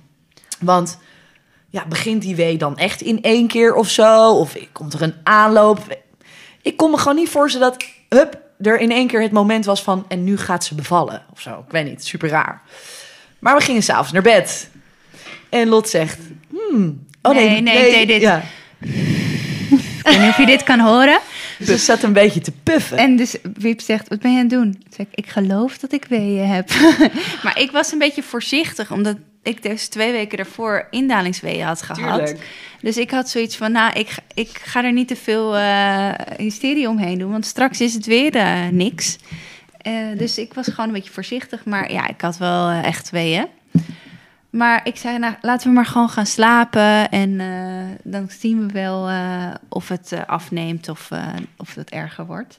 Dus op zich, nou wel natuurlijk met een half oog open geslapen, maar wel wat geslapen. En de volgende morgen zei ik tegen Wiep, ga maar gewoon naar je werk, want eh, het kan nog echt wel een tijd duren en ik weet het allemaal niet. Dus eh Wiep is gewoon eh, vrolijk op de dag dat ik ging bevallen naar de werk gegaan. Ja, en hoe dichterbij het komt, hoe vaker collega's binnenlopen. En, en, en, en. Dus zei ik, zolang ik hier zit, is er niks aan de hand, weet je wel. Op een gegeven moment was ik het ook zo zat dat iedereen het ging vragen. En toen kwam dus echt een collega van mij binnen. Ja, ik mag het eigenlijk niet vragen, maar gebeurt er al wat? Zei ik, ja, ja ze heeft weeën. Zeg maar een beetje zo heel, heel ja. cool, weet je. Van, ja, ze heeft nu weeën. Maar moet je dan niet naar huis? Dus ik zei, nou nee, het is nog niet zo heftig dat ik er nu naast moet gaan zitten. Dus het valt allemaal wel mee. En toen kreeg ik een appje. Nou, het wordt wel wat erger. En toen kreeg ik een uur later, het doet nu wel echt pijn. En toen kreeg ik een half uur later, als het nog meer pijn gaat doen, wil ik dat je naar huis komt. En toen zat ik aan de lunchtafel. Toen zei ik, ja, Lot heeft weeën, dus ik denk dat ik zo weg moet. Dus iedereen, wat doe je hier nog? Ik zeg, maar ik vind het ook niet chill om nu thuis te zitten, terwijl het nog niet helemaal nodig is. Dus, en toen kreeg ik een appje, ik wil dat je nu komt. En toen zei ik, oh, ik eh, ben weg. ik weet niet wanneer ik terugkom. Doei! Dus toen ben ik weggegaan. En toen ben ik de auto ingestapt, toen heb ik haar gebeld en haar op speaker gezet. En toen zei ik, joh, ik kom er nu aan. Hou mij gewoon op speaker. Je hoeft niet tegen me te praten. Maar ik ga gewoon vertellen waar ik ben. Dan weet je waar, dat ik eraan kom. Dus ik was auto ingestapt. Ik zei, nou, ik rij nu hier. Ik ben nu daar. Ik ben nu hier. Weet je wel. Ja, dat was heel fijn. Ja? Ja, dat ik gewoon dan wist waar ze was, zeg maar. Dat ik, want ik was toch een beetje in paniek van... oh, het gaat nu beginnen en ze is er nog niet. En dat vond ik gewoon heel fijn dat Biep dan gewoon... ik kon het helemaal visualiseren waar ze was. En eh, nou, het leidde ook een beetje af dat ik dan eh, wist waar ze reed. Dus dat vond ik heel fijn. En toen trof ze mij eh, naakt op het toilet aan. ja, ik kwam thuis. Het was een soort kruimeltje moment. Overal lagen kledingstukken. En dat leidde zo naar het toilet. Dus ik doe zo, ik kijk zo in het toilet. Zit Lot daar helemaal te puffen en te kreunen. Dus ik zei op een gegeven moment, nou, kom er even af. Je moet gewoon elke keer een beetje een andere houding aannemen. Want eh heb ik geleerd. En, ehm, Eventjes, ik dacht dat ik moest poepen, maar dat moest ik niet. Maar Biep dacht, moet je poepen, dan krijg je persdrang. ja, dat had ik ook bij jullie geleerd. Poep is persdrang. Ja. Dus ik, had, ik ging timen voor mijn leven natuurlijk. Maar ondertussen Lot nog in andere houdingen... en uiteindelijk zeg maar op handen en knieën op de bank. En dan gewoon leunen op een kussen op handen en knieën. Nou, dat was op zich goed. En op een gegeven moment kwam je ook echt een beetje in een soort van trance. in Maar wacht heel flow. even. Oh, ik ga nog heel even één stapje terug. Ha- Hadden jullie een plan van... ik wil in het ziekenhuis, ik Ja. wil thuis, ik... Ja, we wilden graag in het ziekenhuis bevallen. Omdat eh, ik, of wij wonen eigenlijk eh, een steile trap omhoog. Dus we hadden zoiets van, als er iets misgaat... dan wil ik niet met een brandweerwagen eruit getakeld worden. En ik vond het gewoon een fijn idee dat ik daar dan gewoon gecontroleerd kon worden. en ja. ja, ik had op een gegeven moment dus best wel weeën. En die kwamen ook best wel frequent achter elkaar om de twee minuten al. eh. Ja. En ik had een, eh, een badjas aangetrokken met een eh, ja, handdoekstof. En ik vond het fijn als Biep eh, met haar handen over mijn rug eh, wreef. En zij stond te klagen, joh, oh, mijn handen worden... en ik dacht echt, hallo. Wacht even, ik moet natuurlijk hier wel een beetje voor mezelf opkomen, mensen. Want serieus, die, die, dat badjas was echt een oud vod. Dat voelde meer een schuurpapier. En dan krijg je toch helemaal wrijving, dan wordt Nee, helemaal warm. serieus, ik had echt de blaren op mijn handen staan, hè. Partners hier die. eh, En, maar oké, eh, zij had het ook zwaar, maar ik had het ook zwaar. hè. Oké, dat dus wel dit is een tip zijn. voor de luisteraars. Als je je badje, zorg dat je een mooie nieuwe badjas Ja, krijgt. ja, met zo'n zachte heel lekker Zachte stof. Ja. Ja. dus ik gaf tegendruk, inderdaad, ja. Ja, en eh, nou, ik vond het wel echt fijn dat Biep eh, steeds tegen me zei van... oké, nu gaan we even lopen. Of ik ging op haar hangen. En ehm, nou, op een gegeven moment eh, heeft Biep de verloskundige gebeld. Ja, want ik ging timen, maar het ging echt als een malle. Hè? Want er zat tussen die weeën op een gegeven moment echt nog 40 seconden. Ik Oh, dacht, ja, ik moet niet hebben dat ik hier straks met een kind er half uit sta ik hier, Ja. weet je wel? Dat moet Had jij gekund, Bibi? had ik waar. sowieso gekund, Ja. maar ik wilde dat echt niet. Ik dacht, nou, dat wil ik gewoon niet. Dus ik had de verloskundige gebel- gebeld en die zei, eh, nou oké, ja, dan kom ik met drie kwartier kijken. Drie kwartier, dacht ik bij mezelf.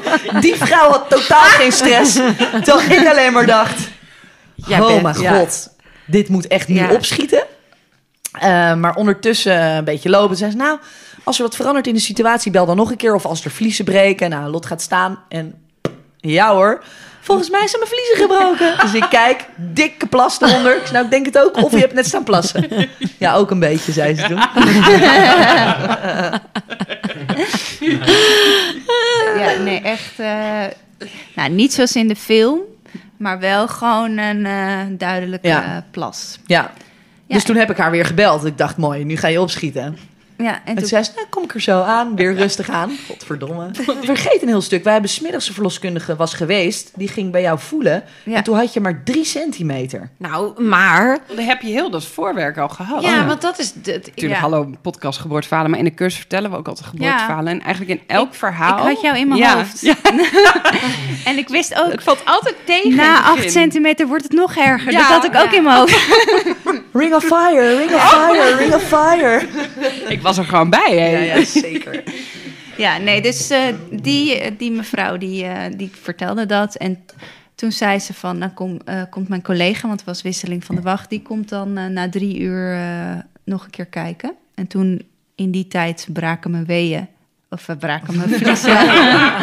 Ja, toen Ja. braken je vliezen. En toen heb ik haar inderdaad gebeld. En toen is zij gekomen. ja, En zij was ook zo chill. Wat is Ja. echt super fijn dat dan zo'n iemand komt. Die heeft dan totaal geen stress. Waar ik eerst dacht, schiet godverdomme eens op. Dacht ik nu, oh wat chill dat je zo chill bent. Ja, want zij ging op een gegeven moment voelen bij Lot. En toen had ze dus 7 centimeter. Dus Ja. het was van 3 naar 7 gegaan. Of van, volgens mij had je het zelfs 2. Dus het was echt wel echt een sprong gemaakt. in heel in korte tijd.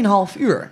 En toen zei zij eigenlijk gelijk van... eh, nou, je hebt echt een mooie 7 centimeter. We gaan naar het ziekenhuis. Dus ik keek haar ook echt zo aan van... je moet echt even zeggen wat ik nu moet doen. Want naast dat ik gewoon spullen moet pakken... moet ik, moet ik nog wat doen of niet, weet je wel. Maar het was gewoon vrij duidelijk. Ik moest gewoon spullen pakken. Ja, en dat is zo raar, jongen. Want nou goed, dan ga je met een vrouw naar buiten... die een soort van helemaal uh, relaxed en pijn heeft. Maar dan ga je dus ook met een lege maxicosi naar buiten. En dat vond ik zo raar dat ik dacht... ik kom straks terug. En dan zit hier gewoon een kleine muppet in. Ja. En die zet ik op tafel en dan ga ik er naar kijken en denk ik... En nu?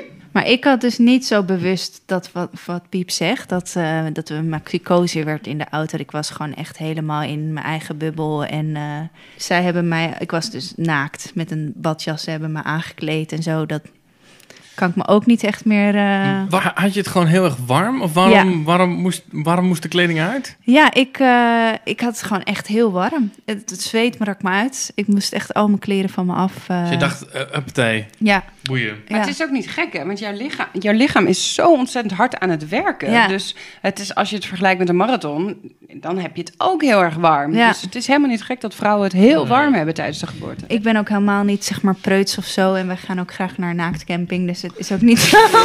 dat ik, Ehm, Nou, maar, dat scheelt wel heel ja, erg. we zijn Ik absoluut geloof- niet preuts. Dat nee. scheelt wel echt inderdaad een hoop. En nou goed, ik ging dus eh, op mijn allerhardst met 30 km per uur naar het ziekenhuis.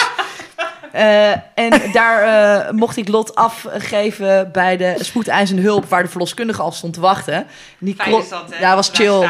Ja, super fijne, super fijne mensen. ja, echt, en toen absoluut. kwam, ja, het heeft zijn me door het ziekenhuis ge, Gekrost. gekrost. En tussendoor had ik nog wee en dan stopte ze even. En dan, eh, nou ja, dan wachten we weer eventjes. was ook heel fijn.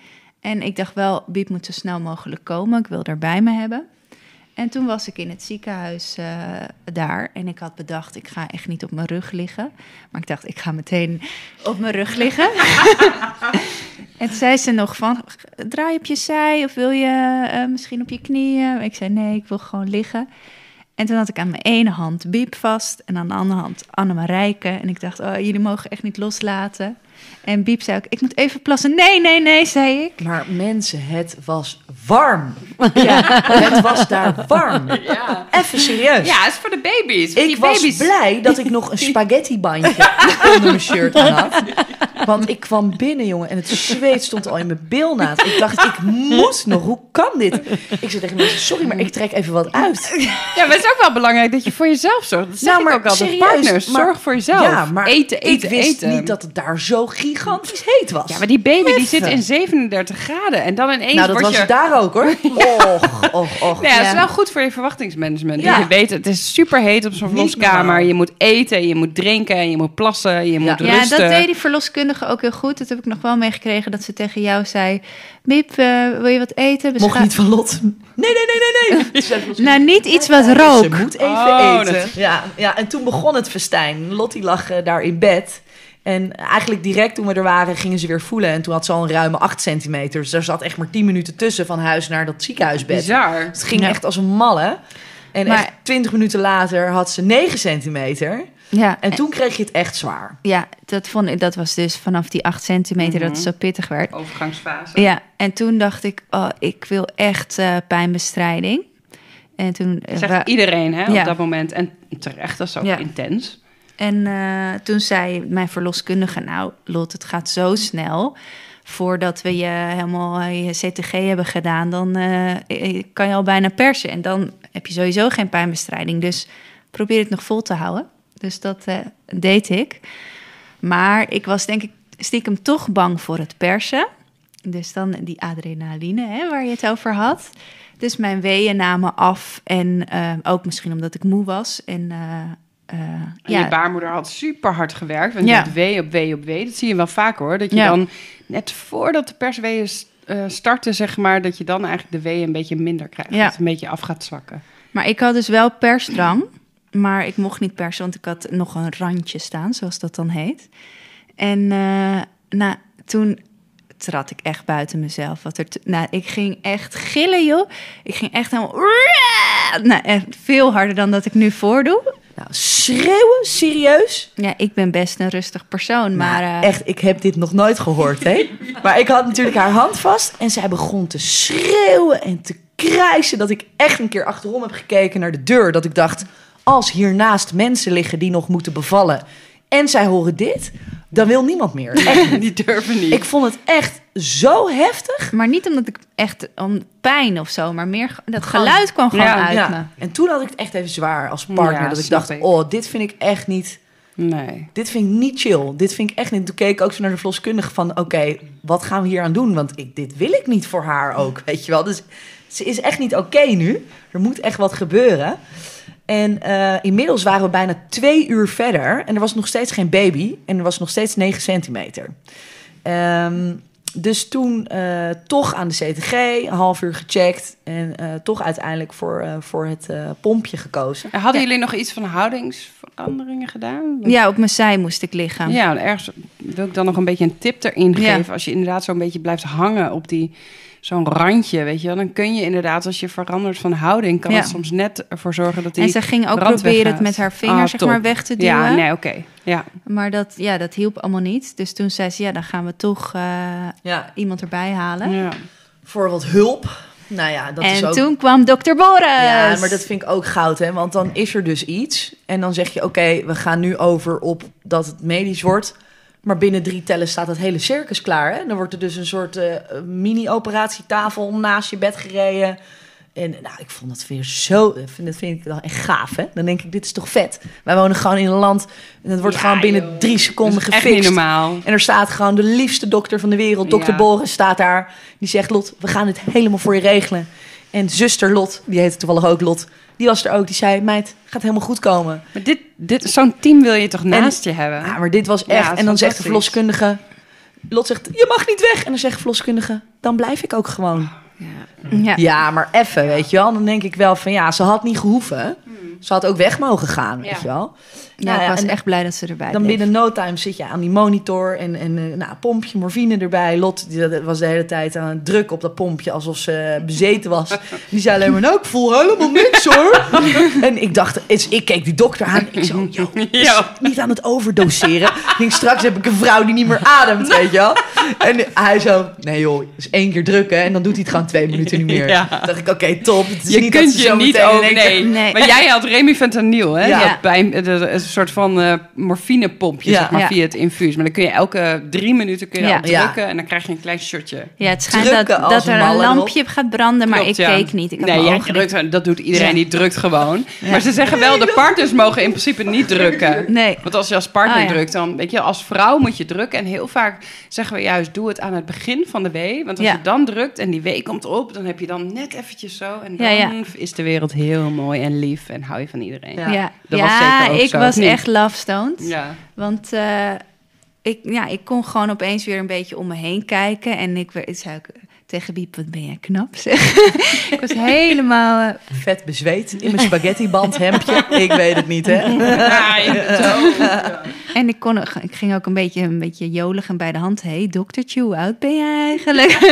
Hij was een klein beetje gênant, maar ik dacht, fuck it, het is al lang beter dan dat ze een soort exorcist hierna ligt te doen in dat bed. Ik vind het allemaal prima.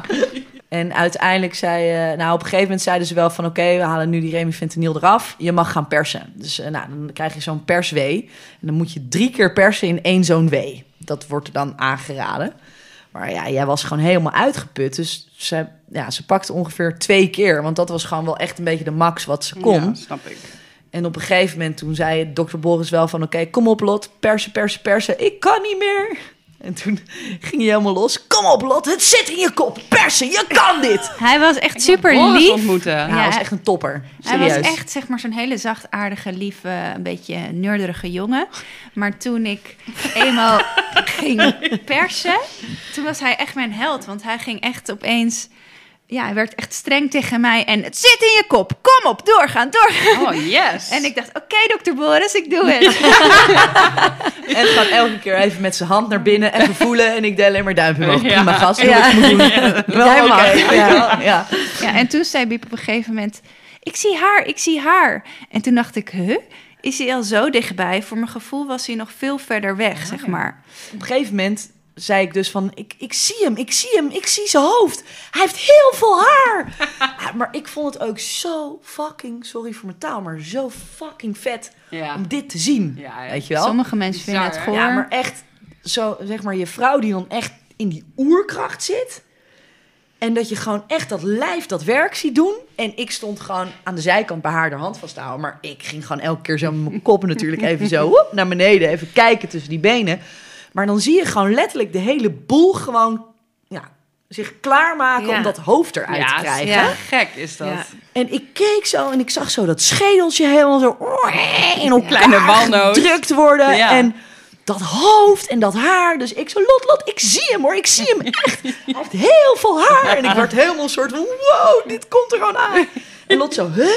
Die had echt het gevoel dat hij nog ergens, eh, Ja. ergens achter zat. Dus daardoor kreeg zij ook veel meer kracht van... oké, dan, belangrijk. dan ben ik er echt bijna. Ja. En toen zei Boris, oké Bibi, kom maar hier staan. Bij de volgende week kun je hem pakken. En ik dacht alleen maar, what the fuck?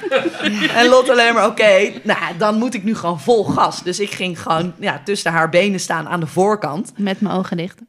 En, hè? Persen met mijn ogen dicht. ja, persen met je ogen dicht, ja.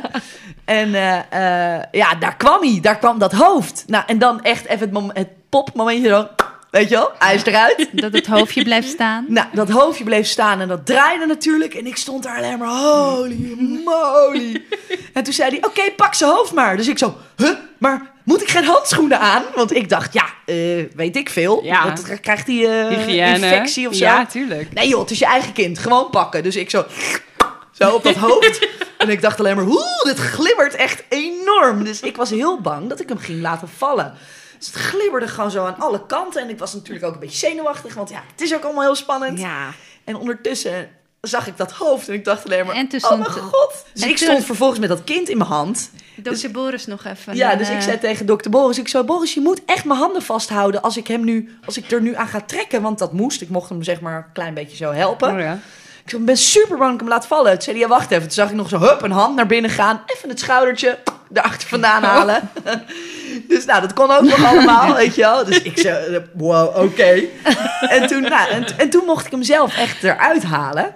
Dus, nou, en echt op het moment dat ik hem gewoon goed pakte, eh, ja, hij vloepte er gewoon al uit. En hij begon gelijk te huilen. Die huil heeft hij nog steeds, overigens. Dat vond ik, vind ik ook zo goud gewoon. Dat ik denk, oh ja, wat gaaf. Wat vet dat dit allemaal zo kan, weet je wel. En toen legde ik hem bij Lot op de buik. ehm, of op de borst. En toen heb ik gewoon echt nog eh, tien minuten met bebloede handen zo gestaan. Oh mijn god, hij is er gewoon! en Lot ging gelijk schreeuwen. Hij heet Sef! Hij heet Sef! Was helemaal niet meer even een momentje van gemaakt. Maar de hele afdeling had het gehoord. Hij heet Sef en Otis is zijn tweede naam. En, oh, het is mijn zoon! Maar gewoon één seconde daarvoor was zij gewoon nog een soort exorcist. Aan het schreeuwen om dat kind eruit te krijgen. Hij moet eruit, hij moet eruit. En hij was eruit en er was gewoon niks meer van over. Ze was gewoon helemaal chill. Ja, dat is oxytocine. hè? Ja. Die oxytocine maakt je helemaal verliefd. Ja. En helemaal mellow.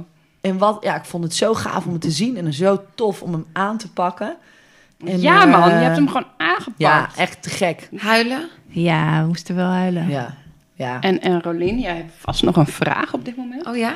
Nee, ik denk... Oh, zo, ja. Ik, denk, Ja. ik zit zo in dit verhaal, jongens. Ja, ik, ja. Op dit moment. Nee, ja, ik vind altijd... ik- hoe is het dan voor jou? Jij bent bevallen van Ja. jullie zoon. En hoe zie je dan Biep? Dan is zij toch de allertofste op deze hele wereld. Ja, dat vond ik, ja, dat vond Weet ik gewoon sowieso. Want ehm Biep ging hem dan ook zeg maar voor het eerst eh, aankleden en eh luiertje omdoen en zo. En Vond ik doodeng Ja. overigens. Hè? Ik was Klein, echt hè? bang Ja. dat ik hem doormidden zou breken. Ah, ja. Echt, ik vond het Superklein. echt eng. Ja. ja, en op dat moment waren onze, dat was echt al later zeg maar, dan waren onze ouders er al. En Biep zei ook, geef me even ruimte, ik ben mijn kind aankleden. En toen voelde ik me ook zo trots dat ik dacht, oh ja, zij zorgt nu voor ons kind. En Ja. ja, ik, ja, ik, ik voelde me gewoon meteen helemaal van, wij gaan dit samen doen. Ja. Ja, eh, ik had niet zeg maar wat sommige mensen hebben dat je, oh, ik was gelijkmoeder. Ik had echt zeg maar dat ik dacht, oh, wat, wat moet ik doen? En oh, hij huilt en eh, straks krijg ik hem niet eh, getroost. Of eh, ik vond het ook eng om zijn luier te verschonen en zo. Ik was echt een beetje onzeker en bang in het begin. En Biep die was gewoon meteen eh, heel assertief en die, eh, ja, die zorgde echt voor ons. En dat vond ik gewoon zo fijn. En Ja. ja. Ja, Ja. bijzonder. Ja. Mooi. Super mooi. Ja. Ja. Hij is om tien voor half twaalf s'nachts of s avonds geboren. Nou ja, en om een uur of twee ben je dan klaar voor de met, uitgerekende eh, datum. Dus ja. eh, een half uur voor de uitgerekende datum. Ja. En dan, dan, ja, dan op een gegeven moment ben je klaar. En dan is het, oké, nou ja, jullie mogen hier slapen. En toen zei ik, ja, mogen we niet gewoon naar huis? We wonen op vijf minuten hier vandaan. Ik wil liever gewoon mijn eigen bed in. Toen zei ik tegen Lot, maar oké, jij bent nu de baas. Dus wil je, voel jij je fijn genoeg om nu naar huis te gaan? Of wil jij gewoon hier nog even... eh, Toen zei Lot, nou, ik wil eigenlijk ook wel gewoon naar huis. Dus midden in de nacht, om drie uur of zo... een baby dus in die maxi-cosi, het moment waarvan ik dacht, dit is echt raar. Nou, dan kom je s'nachts thuis en dan zet je dus inderdaad die Maxicosi even op tafel en dan kijk je ernaar en denk je, ik heb gewoon een kind. Ik heb nu gewoon een kind. Ja. En dit, dit hoort nu de rest van je Ja. leven. Hoort hij bij Ja. ons, weet je wel? De laatste vragen van deze podcastopname, eh, die stel ik aan jullie allebei. Het is een vraag waar je misschien even over wil nadenken, of in ieder geval mag nadenken. Als jullie nou terugdenken aan het hele avontuur, dus ook het zoeken van de donor en, en de zwangerschap en de bevalling. Maar wat is nou het mooiste moment als jullie eventjes, eventjes in conclaaf, wat is het mooiste moment? Dus kijk elkaar even aan. Zal ik wat zeggen? Ja? Ik denk dat het mooiste moment gewoon echt de geboorte van Sef was. Omdat dat echt de bekroning is op, op alles wat we daarvoor hebben, eh, wat we ervoor hebben moeten doen. Maar ik denk dat het toch ook wel bijna net zo mooi was dat Martijn echt tegen ons heeft gezegd van oké, we gaan dit gaan doen, we gaan daarvoor. Ja. Ik sluit me er hier helemaal bij aan. Ja? Ik vond de bevalling natuurlijk helemaal niet mooi op dat moment. Maar nu, als, nu ben ik echt trots op ons verhaal. En inderdaad, het moment dat Sef dan op je borst ligt... of wordt gelegd door Biep... dat was denk ik voor mij echt het moment van... oké, dit hebben wij samen gedaan. Ja. En is er ook iets, als je naar hetzelfde traject kijkt, is er dan ook iets wat, wat je achteraf misschien als heel vervelend hebt ervaren? Of iets wat het minst leuke was? Mm, ik denk dat dat helemaal in het begin van het traject is geweest. Dat je eigenlijk als lesbische vrouw of alleenstaande vrouw met een kinderwens... dat er heel weinig laagdrempelige informatie te vinden is. Nou, toen we eigenlijk die webinar hadden gehad en nog niet echt wisten van eh, eh, voor wat voor donor we zouden gaan. Toen daarna moest ik zo huilen. Toen zei ik, jeetje, waar beginnen we aan? Eh, dat was echt heel verdrietig. En Ja, als je ik- om je heen gaat kijken... dan kom je ook eigenlijk ook 9 van de 10 keer op negatieve ervaringen. Terwijl het is zo geweldig gaaf. En ga er gewoon open en positief in. Maar ik kan me voorstellen dat je ook wel ergens eh, gelukkig prijst dat het ook wel een heel veel langer traject had kunnen Zeker. zijn. misschien. Absoluut. Ja, zeker. Ja, ja, ja zeker. Ja, het voelt ook een beetje als eh, zondagskinderen, zeg maar. Dat al, eh, al het geluk heeft. eh, kijk, dat de andere als vrouwen die dan moeilijker zwanger worden... die staan eerst eigenlijk heel erg aan jouw zijde... want je hebt samen die wens. En zodra je eigenlijk eh, Ja. zwanger bent... dan is er ook nog een soort van... eh, Competitie ja, afgunst en Ja? eh, jaloezie. Vind je daarvan? Nou, dat vind ik wel lastig, want eh, ja, ik snap, ik kan het me er wel, eh, ik kan het me wel indenken waarom ze dat voelen, maar ja, ik vind het wel lastig, want eh, er wordt dan ook verweten, ja, jullie hebben geen traject gehad. Maar eigenlijk hebben we heel veel hobbels gehad met Biep die eh, niet zwanger eh, uiteindelijk kon worden en een donor die niet vruchtbaar eh, was. Maar ja, wij zijn er gewoon heel positief mee omgegaan. Dus wij voelen, ja, Dan de ene laatste vraag. Soms, ik vind het altijd een beetje een gekke vraag. Maar, maar toch komen er wel leuke dingen uit, toch? Ja, Meiden? zeker. Is er iets waar je achteraf van baalt of waar je misschien een beetje voor hebt geschaamd? Ook. Nee, ik heb niet echt iets waar ik me voor eh, schaamde. Nee, ik ook niet. Ja, dat is ook een antwoord, hè? Wij delen ook alles gewoon op Instagram en op YouTube en zo. Dat is gewoon... De schaamte voorbij. ja hoor, ja, zeker. Ja. Laatste vraag. Waar ben je het meest trots op? Jullie? Lotte wil heel graag wat zeggen. ja, ik zie het. Vertel. Nee, ja, op jou eigenlijk. Wat is zo lief, hè, mensen. Even een kusje, hoor. Schatje. nou ja, gewoon hoe je gewoon met dit allemaal bent omgegaan. En dat je dan gewoon eh, ehm, mijn eh, rots in de branding bent. Ah, lief, hè? Nou, dit kan ik niet meer top, hoor. Mooi afsluiten, dit. ja. Nou, Ja. prima. Ik, ik neem hem hoor. Ja, ik ook. Dank jullie meiden voor jullie verhaal. Ja, bedankt. Super. We vonden het super gezellig. Ja, Anders wij wel. Oké, dan. goed gelachen. Ik ben nog steeds een beetje, een beetje verliefd op jullie. Ja. En ik ga Beetje meer. plassen. Oh, gaat plassen. Het is klaar.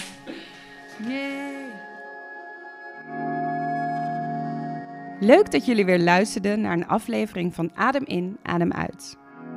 Heb je een vraag of wil je iets van ons weten? Stuur ons dan een bericht via Instagram. En wil je niets van ons missen? Dan kan je je abonneren via Apple Podcast. En laat dan direct ook een review achter. Dat vinden wij heel leuk. Tot de volgende!